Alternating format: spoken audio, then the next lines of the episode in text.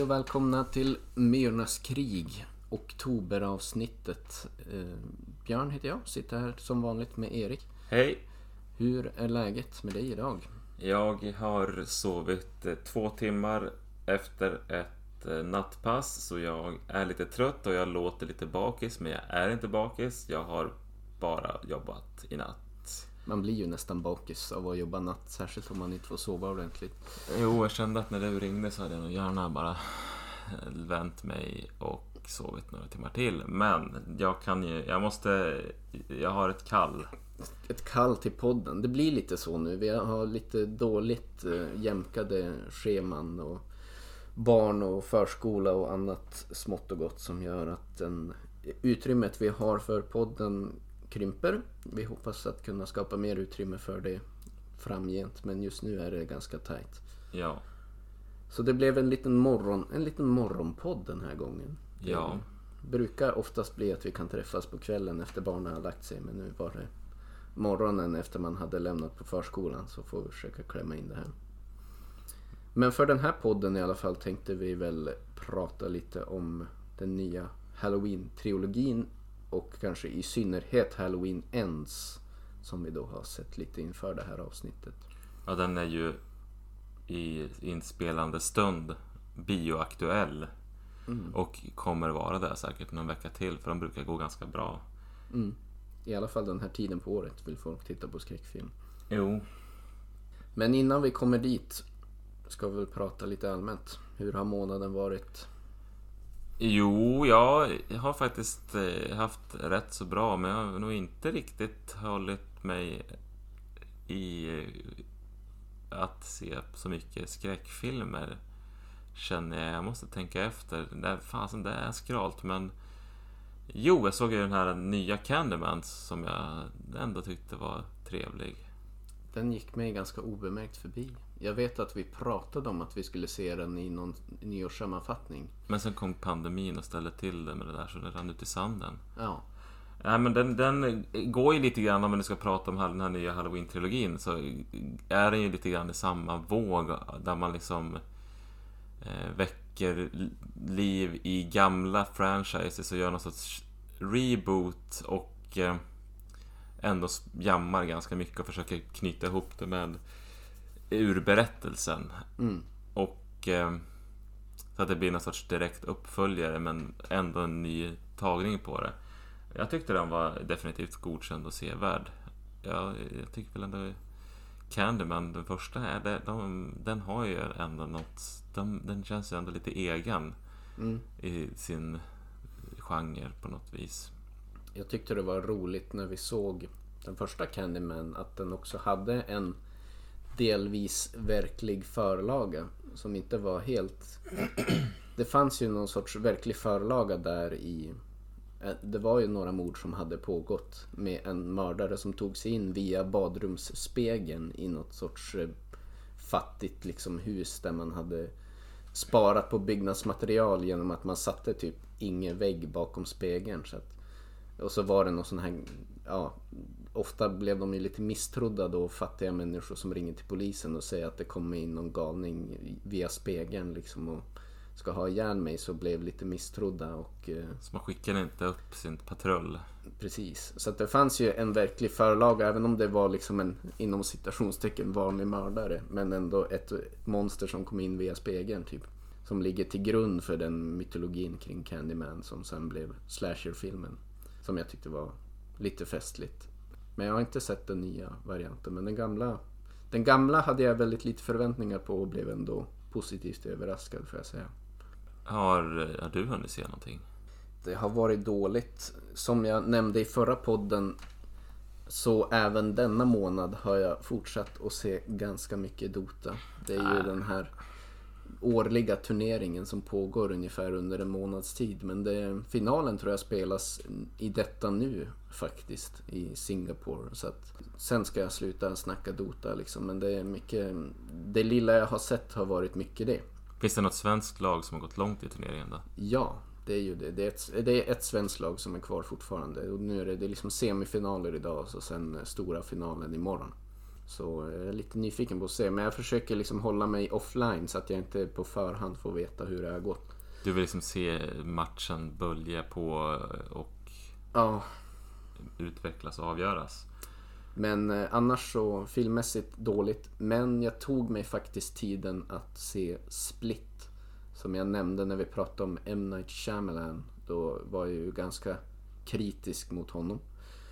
Med rätta kan jag väl tycka. Men eh, jag vet att Split var en lite mer populär film som ändå många har uppskattat. Så jag sa då att jag skulle försöka ge den filmen en chans.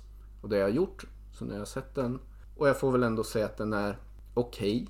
Jag tycker inte den lever upp till liksom hypen. Men det är, det är en ganska typisk M. Night Shyamalan film på många sätt. Med mycket av de vanliga tropesen som man har i sina filmer. Med sina twister och eh, sin överdrivna exposition. Men jag tycker att man levererar det på ett lite mer lättsmält sätt i den här filmen.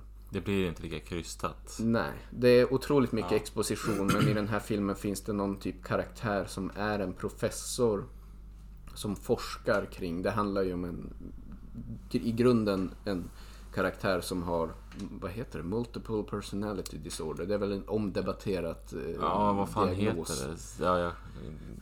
Men i alla fall, hon forskar kring det och man använder sig av den här professorn och hennes föreläsningar på ett sätt för att leverera mycket av expositionen som man som tittare behöver. Vilket kändes som ett sätt att få fram det här utan att det blev liksom för krystat. I många av hans filmer så har han inte riktigt något bra verktyg för att leverera exposition och då blir det istället att man bara det kommer in någon karaktär från ingenstans som liksom förklarar handlingen i filmen och känns väldigt forcerat och dåligt.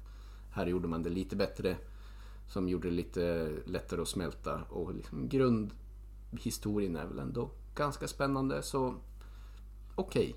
Mm. Får jag ändå säga på det. Alltså man ska inte... Man eh, behöver liksom inte akta sig om man inte är en M. Night Shyamalan. Man kan ge den en chans. man, även om man tycker är skeptisk till just hans...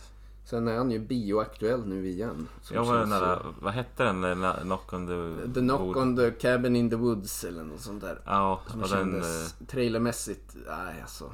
där kändes det mer som att ja, men nu har jag ett koncept här som jag ska... Som verkar lite spännande. Men, men vi får se. Det kanske inte är så dåligt som det verkar. Ja, det är det nog. Men vi, ja. Av någon anledning så får han ju förnyat förtroende. Och det finns uppenbarligen en fanbase för den typen av film. Även om jag själv har svårt att förstå vad som är grejen riktigt. Precis. Ja, men en del gör han bra, men det mesta... Jag är inte helt såld, så det mesta tycker jag är som rätt haltande. Det märkte jag när vi kollade på lite fler filmer i våras. Mm. Ja, annars så har ju mitt månad varit lite sådär. Jag har eh, känt att när jag har redigerat eh, poddavsnitt på min dator så har det varit jävligt trögt. Så jag har eh, gått och köpt mig en liten mini-PC, kallas det väl. En Ja. stationär dator som inte är så stor för jag vill kunna sitta lite varstans. Men jag vill ändå ha lite mer fart i den än min gamla laptop. Så den sitter vi och spelar in på nu. Mm. Den är tjusig. Ja, en, en dödskalle på den där som lyser blått här mot oss. Ja, man får, får ju lite sån här när man kollar på olika recensioner på produkter så är det så här. Det har ju varit lite svårt tycker jag ibland att säga ja men den får en femma och sen så ja men det står bara bra grejer. Ja, men, och då litar jag inte på det för det här är så här typ eh, någon inköpt eh, Det finns för mycket bulvan. företag som liksom köper bra recensioner till sina produkter. Ja. Då är det ofta de här five stars, I like the product. It, it's very, very functional and price worth. Men sen så medans eh, det är de här, man kollar med de här enstjärnas recensionerna så bara, jo men jag så här den här mini-PCn fick inte plats med det här eh, stora trefläktars grafikkortet. Vilken Mm. jävla dålig dator. Det är liksom Ja, vad hade du tänkt dig? Det är inte datorns fel att du ville ha en liten dator men ett monster grafikkort liksom. Så det är ju lite grann, kanske kommer vi tillbaka på det här för det var lite grann, den, att när jag satt och läste sådana recensioner så kommer jag att tänka på Kanske lite grann vissa saker jag känner med den här Halloween eh, Nya Halloween-trilogin att Ja, du får ju vad du betalar för på något vis. Delvis, man kanske inte ska klaga så mycket. Jag tycker ofta man ser de här enstjärnes recensionerna där det också är typ Ja, det kom någon och slog sönder min postlåda så att eh, produkten var helt förstörd när jag fick den. Så är det som bara, ja. Det kanske inte var produktens problem att din postlåda blev förstörd även om jag förstår att du blev besviken. Men eh, de, de är ganska vanligt förekommande också. Eller någon, någonting i leveransen har liksom gjort att eh, produkten har tagit skada. Och då blir man ju väldigt besviken. Men Det det, inte- kanske är liksom post, posten som borde recenseras istället i så fall. Hellre än produkten i sig. Ja men precis, det känns som att en del tar ut sin frustration på fel kanal. Ja. Nog har jag varit skyldig till det i och för sig ibland också. Jag är inte en sån som sitter och postar hatrecensioner online men jag, jag kan känna hatet inom mig ändå ibland när man har råkat köpa fel verktyg och det är inte liksom verktygets fel men man har, man har klantat sig helt enkelt och så vill man eh, gärna projicera sin fucking jävla skruvdragare. någonstans. Det gick inte att borra i betong med dig. Ja, exakt. Skit. Nej men eh, våran, eh, den här podden, jag tycker inte att vi är så hatiska. Så det är inte, vi kan inte, jag tycker inte vi kan anklagas för det. här. Sen kanske vi har lyssnare som tycker annorlunda om våra recensioner. Så kan det vara. Men eh, med det sagt så är vi ändå medvetna om att vi, vi, våra åsikter är ju inte någon objektiv lag. Utan man får tycka annorlunda än oss och eh, vi, vi försöker i varje fall recensera filmerna och se, se dem för vad det är. Mm. Men eh, det kanske är eh, läge att börja prata lite grann om den här Halloween-trilogin som kom då med start 2018. Vi tar en liten jingel och kastar oss över Halloween helt enkelt.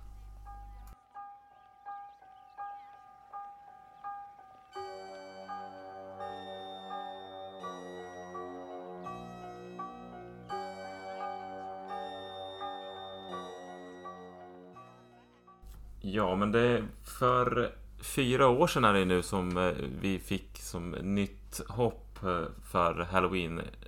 Franchise.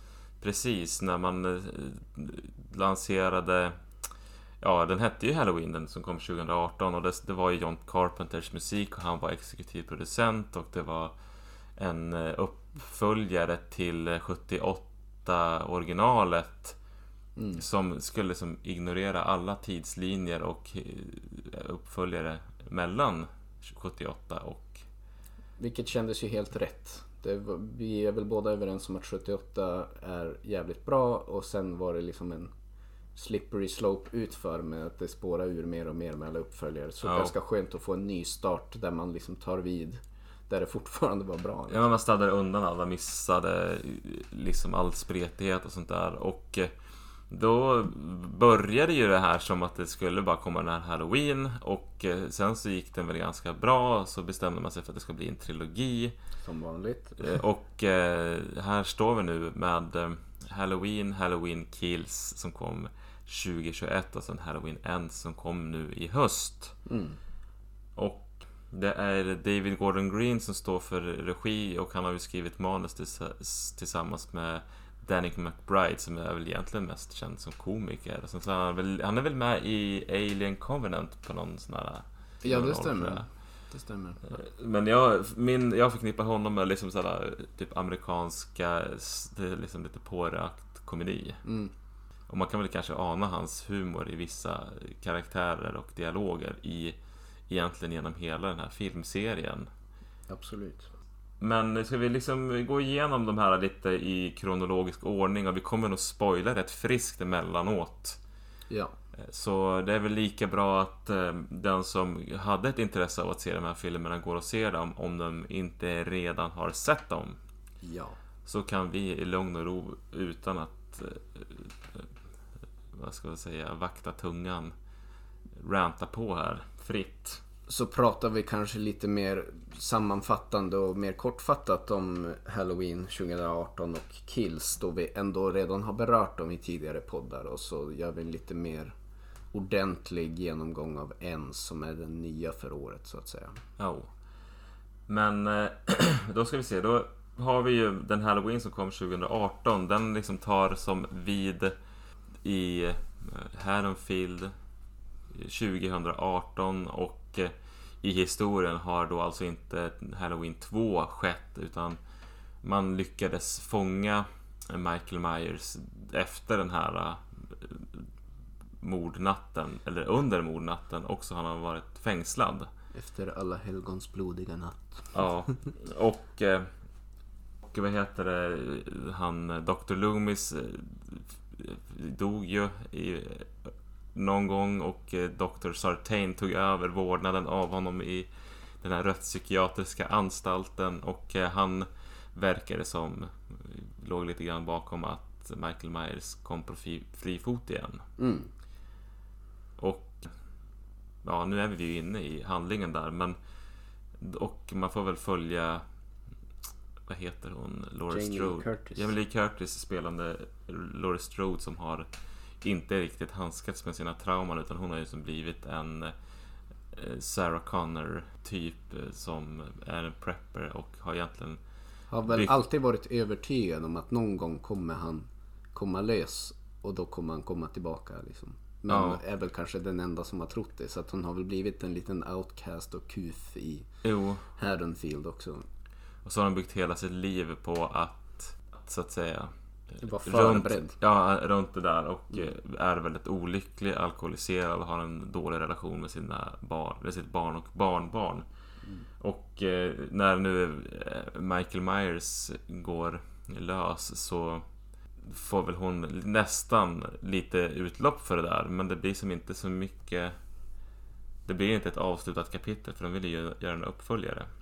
De lämnade det öppet för det i alla fall. Jo, Även om det kanske inte var tanken precis. Det precis ska, från början. Det ska ju ha funnits ett annat slut där han dog och det är ju slutet i den här filmen så är ju liksom det är gjort så att han mycket väl lika väl hade kunnat dött. Det var ju ändå Precis, ganska det är som episkt. underförstått att nu besegrar de Michael. Men man lämnar liksom den här lilla brasklappen att eller kanske han klarar sig. Jo, man hör ju hans flåsande i masken där under eftertexterna. Ja. Men eh, det, det var, jag tyckte när vi gick och såg den på bio så tyckte jag att den här var ändå ganska trevlig. Jag tyckte att den, om vi ska köra en mini-S-bar på den så tyckte jag att den skötte liksom slasher-skrämseln ganska bra. Och det var kul att se den med det var ju tonåringar i biosalongen och det var liksom jävligt kul stämning och det var ju någon som satt och skrek bakom oss hela filmen så fort det hände någonting. Mm. Det adderade väldigt mycket till upplevelsen. Eh, Sen så hade jag väl litet problem med att jag, jag kanske inte blev så himla rädd för den, men det blir man ju sällan av den här typen av film. Men eh, berättandet att man hade så här, introducerat ganska många karaktärer som man skulle ju vilja träffa mer av Laurie Strode, man skulle vilja ha mer av eh, hennes dotter och den eh, familjen och hennes man och man skulle också vilja ha lite mer av det här tonårsgänget och det blir som ingenting av det. Det är så många olika personer som aldrig riktigt får gro och eh, utvecklas i den där så att det blir som ändå inte så man blir inte så engagerad. Plus eh, Allison och hennes pojkvän som först är han världens bästa pojkvän och sen från ingenstans alls är han världens jävla svin liksom. Mm. Och det för att och de gör dumma saker mot varandra för att driva handlingen framåt typ. Det är som en väldigt krystad sekvens av händelser som egentligen känns som att allting syftar bara till att hon ska bli av med sin telefon eller vad fan det var. Det var liksom Jo. sjukt mycket idiotiska grejer som hände för att hon inte ska ha någon telefon. Det kändes som att det var syftet med hela händelseförloppet. Och egentligen så hade man bara kunnat gjort att ja, hon tappade telefonen i fickan. Men det, det var väldigt svårt att förklara varför man valde att göra Göra det allt så. det där. Han slängde telefonen i jävla dippsås. Ja, Jo, så där funkar det väl kom si kom sa. Men överlag helt okej. Jag vet en sak som jag påpekade när vi pratade om den filmen också som var så här en liten pet peeve för mig med Michael Myers som karaktär där och det kanske är Danny McBride som skiner igenom men han håller på lite grann och busar med några av sina offer på ett sätt som jag tyckte för hur jag ser på Michael Myers kändes ganska out of character. I min värld så liksom ställer jag honom ganska nära ett monster inom citationstecken som Alien som är liksom bara iskall, känslokall, efficient mördare. Som finns i skuggorna och inte är så framträdande förutom när det är dags. Ja, men han har några sådana där scener. Det var, det var liksom ganska detalj men han håller på och så här leker med sina offer på ett sätt som jag tyckte kändes lite out of character. Lite mer åt liksom Freddy-hållet i, i hur han beter sig i vissa sekvenser. Jo, och att det liksom också, han blir ju lite åt Freddy-hållet lite grann när man tänker, ja men Laurie Strode bor ute på vischan som först i filmen känns det som att oj, det här är långt utanför stan. Mm. Men sen så när Michael Myers ska ta sig dit så är det som att han går igenom ett maskhål och hamnar där ganska snabbt. Och vad är det som får honom att hamna där? Det är verkligen en fredag den 13 logik som krävs för att han ska ta sig dit i rätt tid eh, på den här halloween-natten. Men jag tycker det de har gjort bra med här, det är ju någon, några sekvenser som det är ju när han går, löper amok där och typ går från ett hus till ett annat. Det är ju liksom en setpiece där liksom han nu mördar han. Det tyckte jag ändå liksom kändes som att de förde in något nytt i Halloween. Det, det hade fart liksom. Han Mm. dödade lite alla möjliga, slår ihjäl någon med en hammare och det är liksom in i nästa hus och tar en kniv. Och det är väldigt trevligt. Eh, Sen tycker jag, nu om jag ska hoppa vidare, om man ska hoppa ifrån Michael Myers så tycker jag en kritiserad sak med det här när man spränger in lite humor. Den här barnvaktade barnet som, är lite, som har lite jargong och sen de här poliserna som sitter och pratar om asiatiska mackor. mm. Jag, tyck, jag trivdes ju i det. Sen så var ju de så här helt meningslösa på ett sätt för, för filmens, eller för handlingens framfart. Men jag tyckte om det och jag tror att det är också Dan McBride som ligger bakom att han så här, tycker om att skriva. Det här vill jag skriva, det här är så här flummigt och skojigt. Jag hade inga problem med det men jag kan verkligen förstå de som inte tycker om det. Jag kan förstå verkligen invändningar mot det för det, de, det, de, man har, det finns saker man skulle kunna prioritera den tiden på istället i de viktiga karaktärerna. ja. Med det sagt så landade vi väl ändå i en rekommendation Jo. den här filmen tycker jag. Jag tycker att den var, den gav mig hopp om att fan det här kanske kan bli ganska bra. Jo, precis. Och det var ju också jättekul att här, John Carpenter och hans son med band gjort, hade gjort en, en jäkligt upp, snyggt upp, eller moderniserad soundtrack som lät otroligt bra till den här filmen. Ja. Och så tyckte jag att den var som en ganska snygg ändå, relativt snygg. Och sen kom Halloween Kills. Ja, sen kom Halloween Kills där man går in och liksom tänker att undra hur det här ska gå vidare. Och det, är- för att det, då är det, den ska gå vidare på samma Halloween-natt och eh, man ska... Ja, det ska eskalera på något sätt. Men hur ska man göra det på ett vettigt sätt? Och, ja, det, jag tyckte... Vi, jag orkar inte gå in så himla djupt på den. Vi gjorde ju ett avsnitt om den filmen. Men det, är som, det känns ju som ett bottennapp för att man dödar av ganska många karaktärer som vi hade investerat ganska mycket i i första filmen. Mm. Plus att man introducerar en massa karaktärer som liksom lite grann är från 78-filmen. Mm. Som ungefär som att man kastar in bara för att man vill visa att, ja men Titta fans vad vi har lyckats Mm. eh, liksom producera. Och så dödar man av jättemånga av dem också. Så att de, liksom, de visas upp men de får inte göra någonting. Och jag tycker här, det spårar ju på väldigt, man eskalerar ju helt klart men det Jag tyckte verkligen inte om i den här filmen vad man gjorde med Michael Myers som karaktär. Där det fanns i 2018-varianten så fanns det liksom lite den här antydan om att han är något mer än vara en ond man. Men man höll det ändå inom ramarna och det, det kändes liksom ganska rimligt. Men i Halloween Kills då spårar det ju på många plan tycker jag i honom som karaktär, i hur han är liksom bara en supermördarmaskin som är totalt ostoppbar och man liksom för in det här övernaturliga aspekten som kanske antytts förut utan att vara explicit och gör den explicit på ett sätt som jag tyckte kändes ganska trist. Jag vill ju att det ska finnas kvar det här att är han bara en man eller är han någonting mer? Men nu är det som att nej, han är någon form av övernaturligt väsen som typ inte går att stoppa. Som, eh, jag vet inte, jag, jag gillar inte det. Nej, det blir som lite... Ja, men det tar, förtar ju lite grann av spänningen, absolut. Mm. Så den, den filmen var ju väldigt, väldigt brutal och våldsam, men den, lite grann på grund av det här så... Det kändes som att redan i början där när han slaktade alla brandmän och allt det där så kändes det som att Ja men dels att det börjar på en sån high note med, i våld, att det, är så här, ja, men då blir man så, det blir lite avmätt, det blir liksom ingen upptrappning. Men det är också att det gör ju att när han blir sådär övermänsklig så känns det som att ja, men vi vet att det här är en mellanfilm i en trilogi. Så han kommer förmodligen klara sig. Det blir som... Ja, det tar bort någonting ur... Det blir som det förtar spänningen i hela filmen egentligen. Och estetiken i våldet känns som att det är mer så här lite grann som att det ska vara lite häftigt. Så här, häftiga koreografier. Han slåss mot tio personer samtidigt. Det är som att han är värsta mördarninjan. Där det var lite i första som jag gillade där att det var i, ja, lite sekvenser jag störde mig på men i mångt och mycket så var det liksom bara iskallt, efficient, in, ta tag i håret, stick kniven genom halsen, klar, gå vidare till nästa.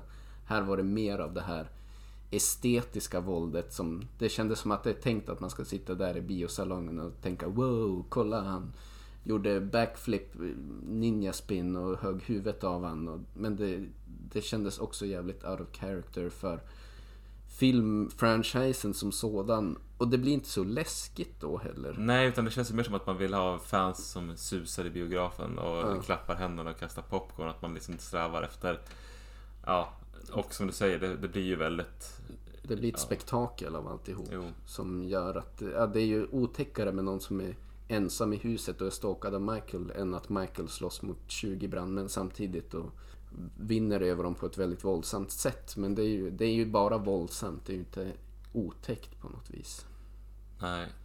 Men så kanske det är som den här, vi kanske är lite grann som de här som typ köpte en skruvdragare när vi ville ha en borrhammare. Det kanske är så att det är, vi kanske inte var ute efter den här bioupplevelsen när man sitter och pratar med bioduken tillsammans med 20 andra likasinnade som gillar att busvissla och allt det där. Och det, sådana upplevelser kan, tycker jag kan vara jävligt roliga. Så det Mm. kanske, men det kanske inte var det vi var ute efter. Men, jag, nej, men, men med det sagt, jag tror inte det. Jag tyckte den här det är mycket i hur, karak- hur man liksom låter karaktärer man slaktar av karaktärer och man introducerar nya karaktärer som man liksom inte riktigt får lära känna och då, blir, då gör det liksom inte så mycket ifall eh, om man inte känner för dem så spelar det liksom inte så stor roll. Man hinner liksom inte bli rädd och deras vägnar. Man måste ju liksom känna en sorts inlevelse för karaktärerna i filmen för att det ska bli otäckt när de blir mördade liksom. Mm. Mm. Och det tyckte jag fattades. Utan det känns som att man bara mörsade på och visste att man hade som en mellanfilm och som man skulle hova in pengar på så gjorde man det här. Ja, jag vet inte huruvida de lyckades hova in pengar men Jo, men jag tror att den gick ganska bra ändå. Den gick ju bra i Sverige. Den, den har säkert varit lukrativ. Ja. Jag har, jag har inga siffror men den, den har nog gått rätt okej ändå. I min bok var det ändå ett riktigt bottennapp. Alltså jag, jag Ja. var väldigt besviken efter vi hade sett den. För det kändes också som att man startade om hela franchisen på ett sätt för att komma ifrån det här. Att i originalets uppföljare så blev det ju också att det spårade ur mer och mer och blev nästan löjligt till slut. Jo, nu är det så nu ska vi göra om och göra rätt och inte göra om fel. Och så gör man likadant Ja. själv. Ja, men men, det kanske är... Är det vi som är gamla? Nej men det, jag tror det är lite synd att det blir sådär för det är faktiskt slutet på eh, Halloween Kills var ju riktigt trist. Mm. Och jag, jag tänkte så här inför det här avsnittet så har jag lånat Halloween Kills på biblioteket. Jag tänkte att nu ska jag se den men jag har bara inte förmått mig göra det. För jag, jag, jag kan inte samla den ork för att ta mig igenom den en gång till just nu. Nej. Så det kän- säger väl en del om känslan men kanske kommer en dag. Men Ja. inte idag. Men då kanske vi ska föra in konversationen mot kan man väl säga lite huvudnumret för avsnittet. Halloween Ends, bioaktuella filmen som vi har sett precis inför det här avsnittet och som då skulle avrunda den här trilogin. Bye.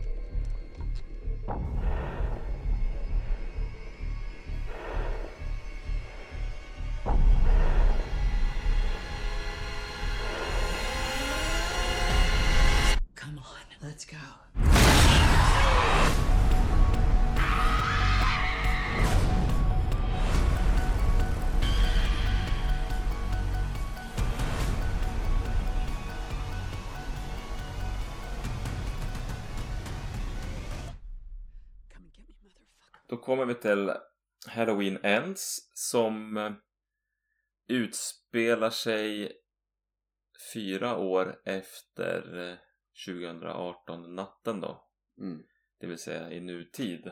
Och eh, det har runnit vatten under broarna. Michael Myers har som försvunnit. Man, liksom hans eh, spöke vilar över Haddonfield. Och för att man inte lyckades fånga in honom. Han är fortfarande på fri fot. Det är väl kanske en del försvinnanden. Men eh, annars så finns det liksom ingenting som antyder att han är aktiv. Mm. Ja, och vi liksom kastas in i handlingen egentligen något år, året efter Halloween Kills så är det en Corey som är barnvakt och det händer en olycka under den här barnvaktssessionen som gör att barnet han vaktar dör och eh, stora delar av stan anser att han var skyldig till mord och har behandlat honom därefter. Ja. Så där ingången i Halloween Ends är att man får följa honom hur han liksom hankar sig fram och hur hans framtid, han, eh, en gång i ganska ljusa framtid är grusad. Mm. Han är mobbad, han är utsatt och eh, samtidigt så har vi Laura Strode som har eh, tagit, tagit sitt liv och när hennes dotter dog i Halloween Kills så har hon liksom flyttat ihop med Allison och de eh, har en rätt så harmonisk tillvaro. Ja, Och hon har väl lägga- försökt vända blad lite grann Ja. och insett att den, hennes besatthet med att jaga Michael har bara skadat folk i hennes närhet och vill liksom börja försöka njuta av livet igen och inte bara bygga upp hela sitt liv kring eh, och jaga den här mördaren liksom. Så hon har försökt gå vidare och eh, kanske inte glömma Michael men hon, hon håller ju på att skriva någon typ av bok för att försöka hantera hennes känslor men leva ett lite mer inom citationstecken normalt liv igen. Ja. Så hon sitter och skriver sina memoarer och så börjar det hända Mystiska saker. Ja. ja, men ska vi gå in och börja med en S-bar? Då har vi ju S-bar-konceptet för de som inte har lyssnat på oss tidigare. Mm. Så är det S-bar, jobbar man inom sjukvården så känner man till det. Det är ju som en, en rapportform där man kortfattat eh, säger situation, bakgrund, aktuellt och rekommendation. Ja. Står S-bar för. Men vi har gjort våran S-bar. Då står det skräck, spänning, frågetecken, utropstecken. B. Berättelse, berättarteknik. Alltså hur funkar manus, hur funkar eh, skådespelarna? Mm. A. Det audiovisuella. Hur ser det ut? Hur låter musiken? Hur är det i, ja men klippning, effekter och så vidare. Och R är ju liksom våran lite sammanfattande vad får vi för känsla för att ibland så kan vi hacka jäkligt mycket på saker men ändå film, eller tycka om filmen. Mm. Men att vi liksom hittar detaljer som vi stör oss på som kunde funka bättre. Så där har vi R på slutet som är vad vi, våran samlade känsla är. Precis. Och då börjar vi ju då i vanlig ordning med S. Vad säger du om S på Halloween Ends, Björn? Vad var otäckt och spännande? Det var inte så jättemycket som var så otäckt. Delvis i vissa sekvenser ganska spännande. Men jag tycker att det var ganska slående i den här filmen. Det är en ganska långsam start. Det tar ganska lång tid innan. Den mest skräckinjagande spännande sekvensen tyckte jag var nästan den här anslaget med Corey då han råkar eh, ja, döda barnet som han barnvaktar. Eller döda, han, det blir, sker en olycka i alla fall. Men Jo, de antyder väl ganska mycket att det ska hända något där så att man sitter lite som på nålar och man mjölkar det ganska länge på ett bra sätt som jag tycker är en bortglömd konst i, mycket skräck idag. Där man bara, det blir för mycket pang på rödbetan utan här låter man det bygga upp under en ganska lång tid. Och jag var ganska spänd mot slutet innan liksom crescendot eh, sker när den här olyckan sker. Men annars tyckte jag det var ganska trögt i början. jo, Eh, och det, det liksom tog ett ganska bra tag innan det kom igång med någon riktig skräck.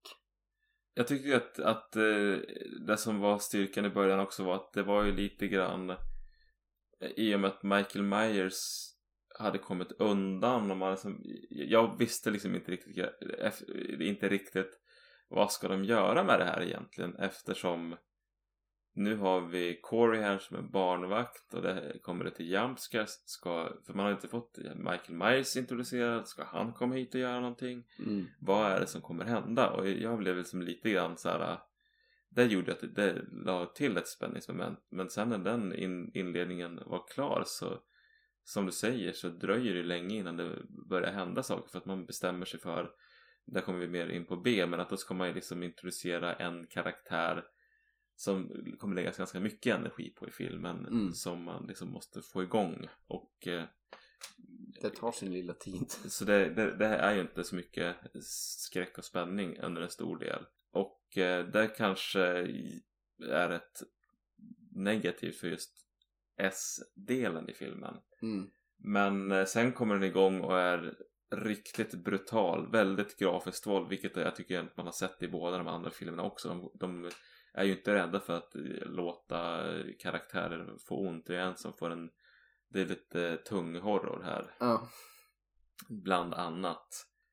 Känsliga tittare varnas, men jag, jag tycker ju att sånt kan vara lite det är ja, vi gör någonting som är obehagligt att se så därför är det bra skräck. Nej, det behöver det inte vara. Jag, jag, jag, har lite annan smak när jag ser på skräckfilm. När jag nu blir rädd. Det här är ju liksom Eh, som att såhär, ja men vi filmar någon som kräks och vad bra för att det är obehagligt att se typ.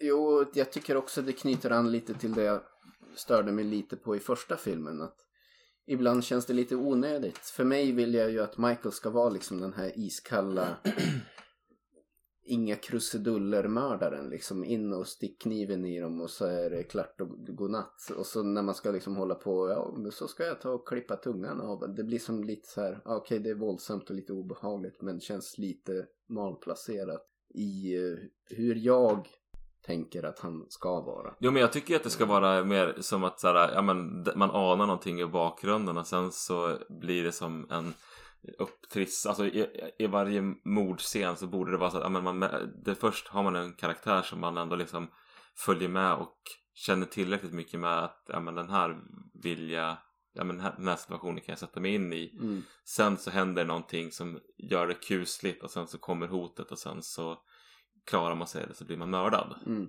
Och att det behöver inte vara så mycket blod utan det är liksom själva liksom jakten fram till ögonblicket när det smäller är det som gör det otäckt. Och det gör de inte så mycket i den här filmen. Nej, det är ju det de gör i anslagsscenen som gör den ganska bra.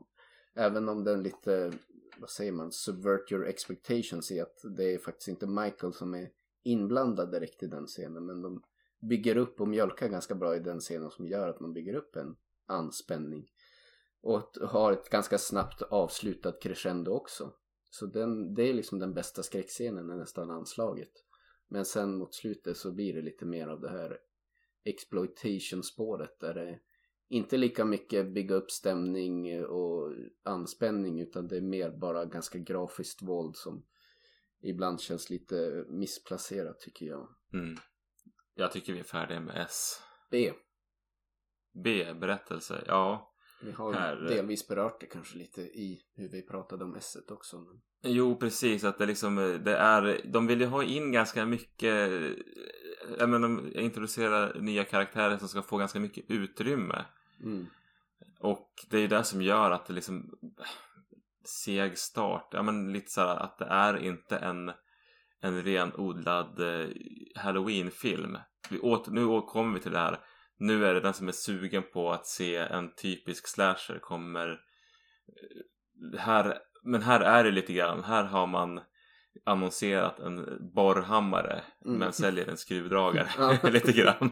Precis. Eh, så det, med risk för att man blir besviken. Men man, man, det är en ganska, det är ganska ambitiöst. Man, eh, Laurie Strode kommer, har utvecklats mycket som karaktär. Hon har har mer plats och eh, har liksom gått vidare till en ny, ny fas i sitt liv.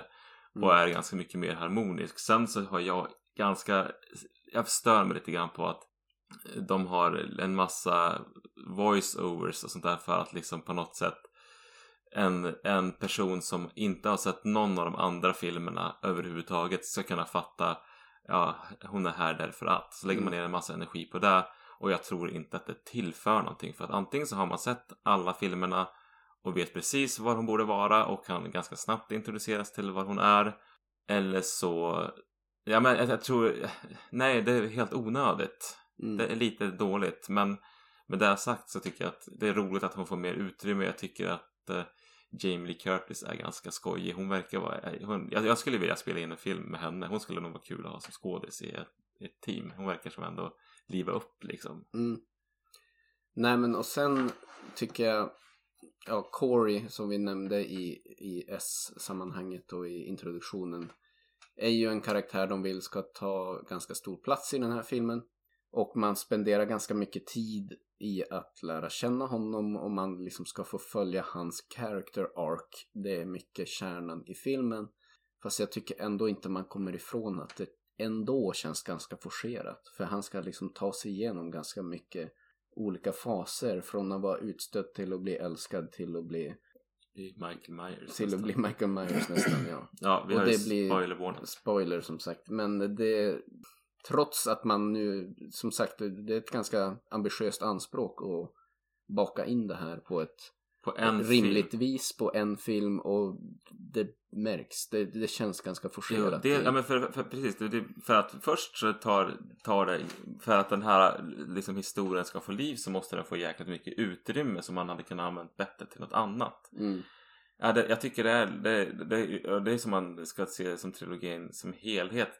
Hade, de, hade det inte varit bättre att man hade fått träffa honom i Halloween Kills? Att han hade liksom fått vara typ en karaktär som eh, om nu Allison ska bli kär i honom i den här filmen att hon är bekant till honom. Det händer någonting i Halloween Kills som gör att hon tycker ändå har ett, ett gott öga till honom som kan Mm. göra att hon kan som, connecta med honom trots den här olyckan under, med barnet. Mm, mm. Och eh, så kan man liksom eh, bygga vidare på det. Men nu har man inte det, den utgångspunkten utan då måste man liksom cranka in någonting annat och då blir det som, ja, han är den här utstötta och så ska de träffas och eh, det blir som känns krystat att hon blir jättesnabbt kär i honom fastän liksom från ingenstans men jo men det är ju för att hon känner ju till honom och kan identifiera sig med honom Mm. och de har ingen kemi tillsammans tycker jag Noll kemi. Och sen kommer ju en ganska tvärvändning efter att han äntligen har hittat någon som accepterar honom för den han är och kanske känner sig älskad till att ja, så blir han plötsligt då den som ska bli ond i sammanhanget och blir någon sorts spoiler alert protégé till Michael Myers som ska liksom föra Michael Myers arv vidare på något vis. Jo, och det är som så här, det, det är ju också väldigt så här, korkat skrivet om man får säga så. Mm. För att han är ju verkligen så här, ja men först är han ju som en god karaktär.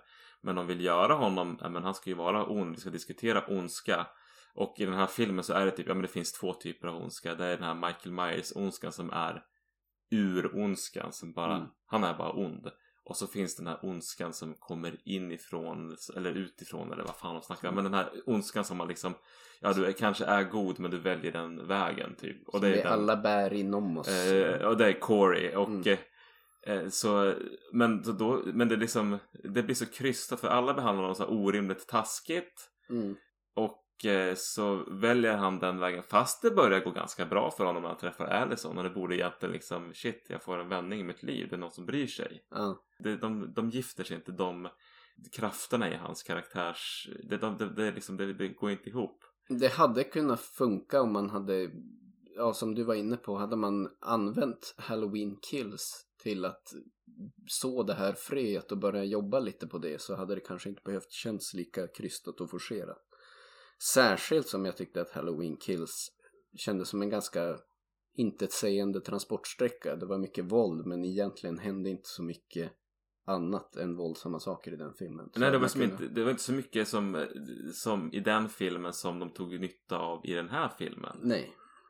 Och det hade man, det var ett missed opportunity då. Om man, om man nu visste från början, vilket man kanske inte gjorde, men att det var den här vägen man ville gå, då skulle de ha använt andra filmen till att börja så de här fröerna för att sen kunna skörda i den här filmen. Nu ska man så och skörda i samma film och det blir lite bråttom att få det få Ja. det igenom. Liksom. Om man ska göra så här mycket med ändå så pass många karaktärer. mm. eh, Så, men eh, ja, det är ett problem som sagt. Jag tycker väl en styrka de har, nu ska jag spoila igen här då, Michael Myers lever ju fortfarande. Mm. Och det jag tycker om med vad de har gjort med Michael Myers är att man, jag tycker ändå att han känns som han egentligen borde vara. Nu har han varit på fri fot i fyra år och han har inte fått ordentlig mat och han är en gammal gubbe. Ja. Och det tycker jag ändå märks lite grann. Även om han är den här nästan till övermänskliga karaktären så är det inte att han är en övermänsklig 35-åring utan han är, han är väl kanske mer en övermänsklig 75-åring. Jag tycker att han är ju lite så här trött. Ja. Och det kommer liksom, det dröjer en stund innan han kommer igång. Mm. Men han, får han bara mörda lite grann så får han Då får han upp farten får igen. han upp farten. Men, men han kommer ändå inte upp i, i, i toppform. Mm. Så det tyckte jag var kul ändå. Det tycker jag är ett, en, en, en av styrkorna som jag tycker som de lätt hade kunnat misslyckas med. Mm. Men eh, det tyckte jag var okej. Sen, eh, ja, att hela den här diskussionen med ondska och jag tycker mycket av det här är ju liksom att man vill prata om någonting men det blir som så här de pratar inte om det på ett filmberättarmässigt bra sätt tycker jag utan det blir som att det är så här voice-overs och övertydliga budskap. Mm. Det hade kunnat vara mer subtilt. Man nyttjar ju, man lutar sig ganska mycket mot det här att eh, Jamie Lee Curtis håller på att skriva en bok. Är det någonting vi behöver förklara för tittaren som kanske gick dem över huvudet då har man någon voiceover när hon sitter och skriver ett nytt kapitel till sin bok när hon liksom förklarar det som vi var tänkt att ta med oss från filmen utifall att vi skulle ha missuppfattat någonting. Jo, Ehm, och ja, ja, fair enough, det funkar väl som ett verktyg, I guess. Men ehm, ja, hade inte hon varit där och förklarat det så hade det väl kanske känts ännu mer krystat kanske. Det, det, de använder det för att liksom förklara med att det, det är det här vi vill säga. Sen är det debatable om man faktiskt lyckas med att föra fram det man vill. Ja, ja berättarmässigt sammantaget får jag väl ändå säga ja. Och det största problemet är att man, man har för lite tid på sig. Om man hade velat gå den här vägen med filmen så skulle man ha börjat arbeta på det redan från början i den här trilogin. ja, att det liksom fanns i Halloween Kills åtminstone lite frön sådda. Ja. Ja. Ja, ja men jag tycker väl om det är någonting jag tycker ändå tycker är funkar i hela den här serien men i den här, jag, jag tycker det låter bra. Det är inte så mycket Carpenter soundtrack som jag hade hoppats på kanske. För det var ju det har ju egentligen varit en stor behållning. Men det är en ny introduktionssekvens med en ny melodi. Eller det är ju samma tema men det, den är en ny inspelning med lite ny karaktär på. Mm. Sen tycker jag det är som ett, det är ju liksom eh, bra, eller så här, ja, soundtrack, alltså det här liksom annan musik som de, låtar som de tar in från olika artister som är jag tycker det låter bra, jag tycker att det är trevligt att lyssna på och ganska trevligt att se på. Jo men det funkar. Absolut.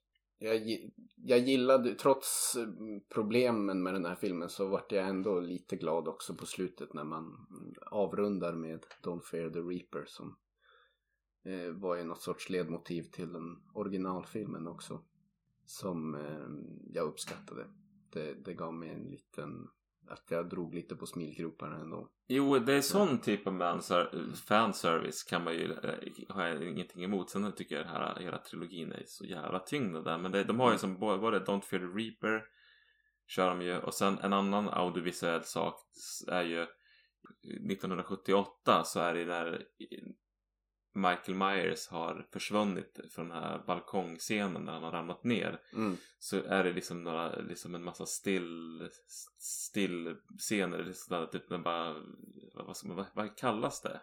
Ja men när man bara står och filmar ute i tomma intet och man, man har, har en, en sorts, äh, ja men Michael Myers försvann ju och han är inte fångad och man har en känsla av att han ändå är närvarande fast allting är tyst. Mm. Och eh, nu så är det typ en, kan man säga, en symmetrisk sekvens där man är som befriad från Michael Myers. Mm. Som jag ändå kan säga, ja men det var kul. Jag kände att den, att det liksom, jag har, man fick lite lön för att man har sett den första filmen. Ja. Men eh, det är också ganska så billiga knep kanske. Jag vet inte. Annars kameramässigt, rent hur det ser ut, så tycker jag väl att det är bra. Jag har egentligen inte så här, ingen standout moments för mig riktigt, men det funkar väl, tycker jag. Jo men det är väl några så här klatschigt ihop eh, eh, mordscener och så vidare. Jag tyckte den här eh, på radiostationen var ganska skojig. Ja. Även om den var fruktansvärt no- tung horror. Mm. Nåja, den som eh, går på bio och ser den kommer nog inte bli så besviken över den. Men ska vi gå in på R då? Jag tycker eh, det, tiden är mogen. Tiden mogen. Svårt R. Ska man se till filmen i ett vakuum, bara Halloween Ends. Så jag hade ju faktiskt fördelen av att ha med mig en biokamrat. Vi fick ju inte tillfälle att se den här tillsammans utan jag tog med mig min, ja svåger blir det väl, Tobin. Tobin. Som inte hade sett de tidigare filmerna. Och han var väl kanske lite hjälpt då av att man det känns som att man har gjort lite den här filmen för att man ska kunna se den även om man inte har sett dem tidigare. Och eh, han var ju inte, jag hade i och för sig eh, liksom jobbat upp hans förväntningar så att för att försöka ställa ner dem att det här kommer kanske inte vara så himla bra. Men jag tror att han var ändå någorlunda positivt överraskad av den här filmen i sig själv. Jag hade ju med de två andra filmerna i bagaget och ställde dem, vägde dem lite mot varann. Och det gör att min overall-känsla är lite mer komplex. Ja men jag kände ju när jag gick in för att se den här filmen, jag hade som inte sett så mycket skrivet om den innan och sådär. Jag hade som bara Halloween Kills med mig i bakhuvudet. Så Ja. jag hade ju fruktansvärt låga förväntningar. Och då var jag ändå positivt överraskad. Jag är inte jätteimponerad. Jag tycker väl att när man nu ser på den här trilogin i backspegeln så känns det som årtiondets skräck eh, största missed opportunity. Man, man hade en möjlighet att göra någonting som kunde blivit väldigt mycket bättre. Ja. Men med det sagt så tycker jag väl ändå att, den, att det väl det är ju inte helt ovärt att se. Nej, ja, ska man prata om R här så tycker jag det är svårt att göra utan att nämna de andra filmerna. Och jag tycker väl egentligen, jag tycker tvåan i den här trilogin, Halloween Kills, är ju den, det stora bottennappet. Jag fattar liksom inte vad som var poängen med den. Ett, ettan eller Halloween 2018 plus den här, liksom, jag tycker de två kan man se. Det är helt okej. Tvåan tycker jag inte tillför någonting. Nej, Man skulle ha gjort tvåan som en bättre länk mellan de här två filmerna. Eller så Ja. hade man bara gjort två filmer som var bra ihopbyggda. Jag vet inte. Ja, jag är lite blandade känslor. Det är väl en kanske svag rekommendation ändå. Man behöver nog inte kasta sig över den och se den på bio. Med det sagt så är det ju lite stämning att se en sån här film på bio. Det tillför ju någonting ändå. Jo, Ja, en svag rekommendation kan jag väl slänga på Halloween Ends. Och likväl så på hela franchisen men då ska man välja, har man begränsat med tid då kan du skippa tvåan för den känns som bara en, en ganska meningslös transportsträcka med mycket spektakulärt våld. Gillar man spektakulärt våld så för all del men den var som inte så otäck och den tillför inte så mycket till storyn. Halloween Kills alltså. Ja, men eh, vad skulle du säga? Har vi någon eh, känsla med eh, men franchisen mer som helhet? Jag tror att den... Det känns som att det, det var fel personer som fick skriva den. Det känns som att de fick rättigheten att skriva den här filmserien. Mm. Men hade som inga jättebra idéer. De enda som de hade att jobba på var att de var stora fans av original-franchisen. Det var ju som att den första Halloween 2018 var ju bra egentligen. Och det var kanske, det var som att de kanske blev lite tagna på sängen av att oj nu ska vi göra en trilogi. Får man lite känslan av. De hade en väldigt bra idé för den här rebooten på Halloween 2018. Och sen hade man inte kanske så många bra idéer bortom det och då blev det lite som det blev. Jag var övertygad nästan från början att det här var tre olika regissörer för att liksom tonen och så var så annorlunda jä- jämte de tre filmerna. Men det är ju samma och det, de har ju bara famlar i mörkret känns det som. Och de tar... Ja, det är alldeles för mycket fanservice i den här Mm. serien. Mm. Ja, ja men det, tyvärr, det, det är en missad möjlighet till någonting som faktiskt hade kunnat bli magiskt nästan. Sen så kanske jag har högt ställda förväntningar men hade...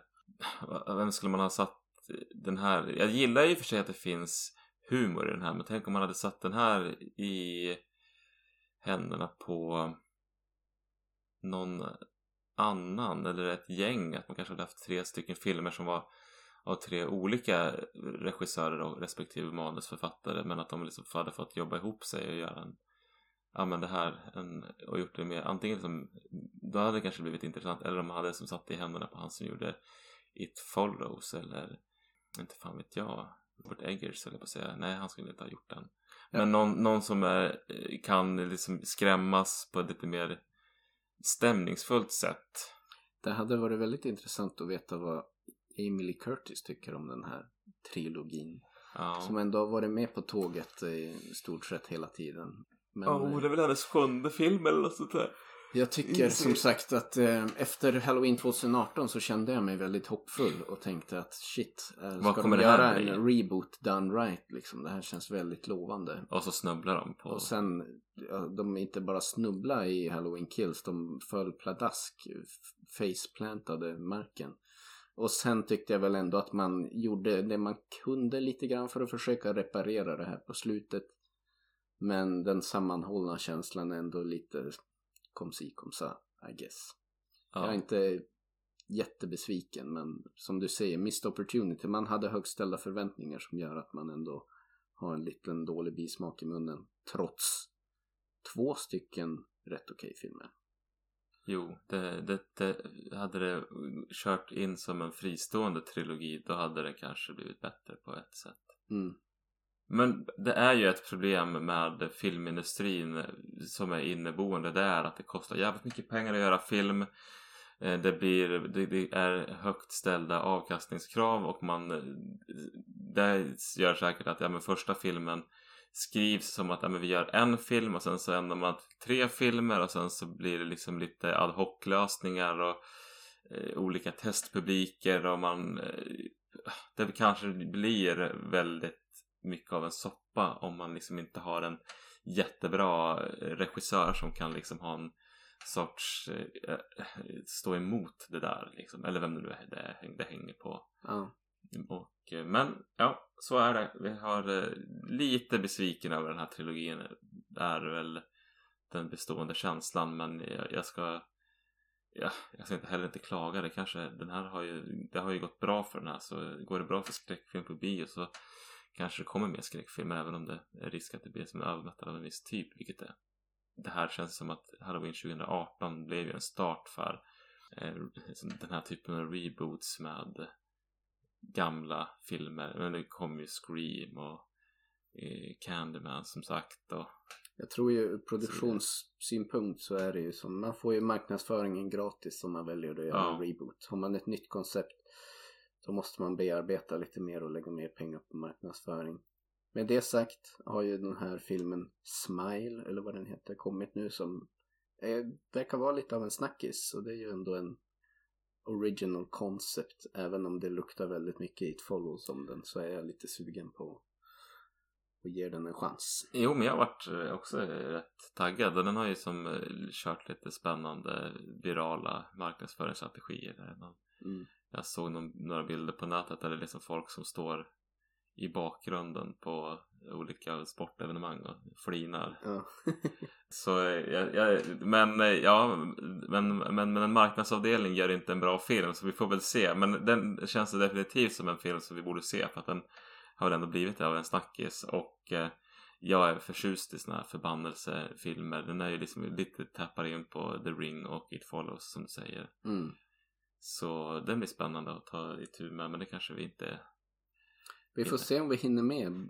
Bioaktuella filmer kan ju ofta vara bioaktuella så kort tid nu. Och vi, ja. vi själva i våra privatliv har ganska begränsad med tid. Men har vi möjlighet ska vi för, kanske försöka ta oss iväg och se den på biografen. Och då kanske det blir anledning att prata om den i uppkommande podd. Men egentligen har vi väl inte riktigt någon klar plan för Nej. Hur det ser ut nu framåt. Utan det, vi börjar komma in mot, eh, för mig, väldigt mycket födelsedagar Och sen där mera jul också. Att, eh, Min dröm har ju varit eh, att vi gör som, nu är ju att vi har som näst, att vi, tanken är att vi har två lite mindre avsnitt. Ett som är lite mer jul där vi har, vi har lyckats få tag i en julfilm jag är väl taggad på. mm. Och sen ett som kortare nyårsavsnitt då. Men så har vi en november månad däremellan som vi ska... Jo, precis. Slutet på Hitta på november. någonting. Ja, Kanske ett nytt nedslag i jorden runt resan. Kanske Smile. Om vi har möjlighet att ta oss iväg så vore jag intresserad av att se den och spännande att tala om den medan den är lite aktuell. jo. Men, eh, men vi får se. Det är svårt att lova något som det ser ut nu. Vi har fem eller sex födelsedagsfiranden i november att beta av. så sen kommer julafton. Det är liksom. Folke, Greta och Tobin och ja, det, det är allt möjligt händer. Ja. Plus jobb och allt annat så. Precis, och sen har vi ganska mycket skojiga saker på gång men det kommer att bli efter året, årsskiftet. Vi, den här uh, The Roots of Evil som jag var statist i, det är en kortfilm som var inspelad här precis nästgårds. Det var jättekul. Det var synd att du inte kunde vara med men jag fick vara med där. Det känns, jag är glad att eh, Myrornas krig är representerad i alla fall. Även om jag inte kunde ta mig dit själv. Jo, jag, och jag, jag eh, borde nästan kunna krediteras som medproducent för att eh, de behövde en skottkärra och bara, så, bara, så bara sprang den här regiassistenten bara Vi måste åka till Biltema och köpa en skottkärra bara Nej, nej, nej, jag bor precis här. Jag far hem och hämtar en skottkärra. Så då hämtade jag hem, gick jag och hämtade skottkärran som är med i den någon, ja den, den syns mer i bilden än vad jag gör säkert. Mm. Så tog jag med lite ved till statisterna. Vi hade en som en brasa som vi grillade lite korv och hängde liksom i väntan på tagningar. Men det var jättekul att vara med på en filminspelning. Jag eh, ganska imponerad över det. Jag, jag tror att det där kan bli spännande att se. Den kommer väl någon gång under nästa år och jag har varit i kontakt med Cindy Stenberg. Och hon kan vara lite småsugen på att gästa i podden. Mm. Och sen så har jag också, jag, jag har ju som tentaklerna ute men vi kommer få ett återbesök av vår eh, poddfadder Erik Nyström från Vacancy och vi ska kanske eh, han ska välja någon eh, Vincent Price film och vi ska ja, Vincent Price var ju den här skräckgiganten som han, var tillika väldigt matintresserad och har skrivit flera kokböcker. Okej. Så jag har en Vincent Price som heter Cooking Price Wise heter den, som jag köpte. Som det finns en del spännande recept i så jag tänker att det kanske blir nästa matlagningspodd blir ett Vincent Price avsnitt. Kul. Det gäller bara att hitta mina amerikanska mått för han kör med and ounces och bla bla Ja, bla. det. Vi har lite sånt hemma. Frugan bakar ju en hel del och har en del amerikanska bak. Så att vi har liksom såna här måttsatser som är liksom cups och ounces. Jo, jag har, jag har någon sån någonstans men vi jag har inte använt den sen jag var ja, jättelänge så den ligger någonstans i en låda. Ja, ja. Så det finns hopp, men annars så får vi leta. Men det, det tror jag blir kul. Det är Ligger lite längre lite fram i längre fram i tiden. Utan jag tänker mig att vi minst ett julavsnitt och kanske ett nyårsavsnitt. Jag vet inte om vi hinner klämma in ett novemberavsnitt på det. Men det vore fantastiskt roligt att kanske köra en. Men det kanske blir lite kortare, lättsammare varianter. Ja.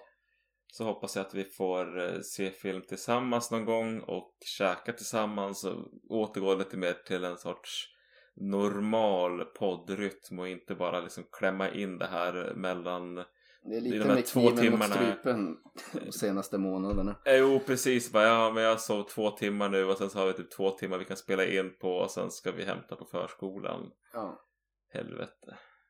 det är livet. Men, men vad roligt att vi fick sätta oss ner en stund nu och prata om Halloween. Så hoppas jag att eh, de som har lyssnat har tyckt att det varit trevligt att lyssna på också. Så får vi väl säga på återseende. Brukar vi säga godnatt men det känns ju konstigt. när Ja men vi och kanske, spelar in ja men det är ju, ja vi sitter och spelar in det här tio på morgonen, nu är klockan lite mer. Men det, det är ju godnatt, vi är ju ändå bruset i, i midnatten Ja. på ett sätt. Godnatt och på återseende säger vi då. Och jag tänker väl att vi kan låta Jesse and the Ancient Ones få spe- stå för musiken i outrot. Godnatt! Godnatt. And at midnight, according to the old chronicles, there would be a convocation of sorcerers, devils, demons, goblins, and ghouls, and they would thereupon proceed to hold an orgy in a manner and fashion too sinful even to contemplate. And woe to the unfortunate mortal who would be compelled to participate in these hellish rituals that were profanely called a witch's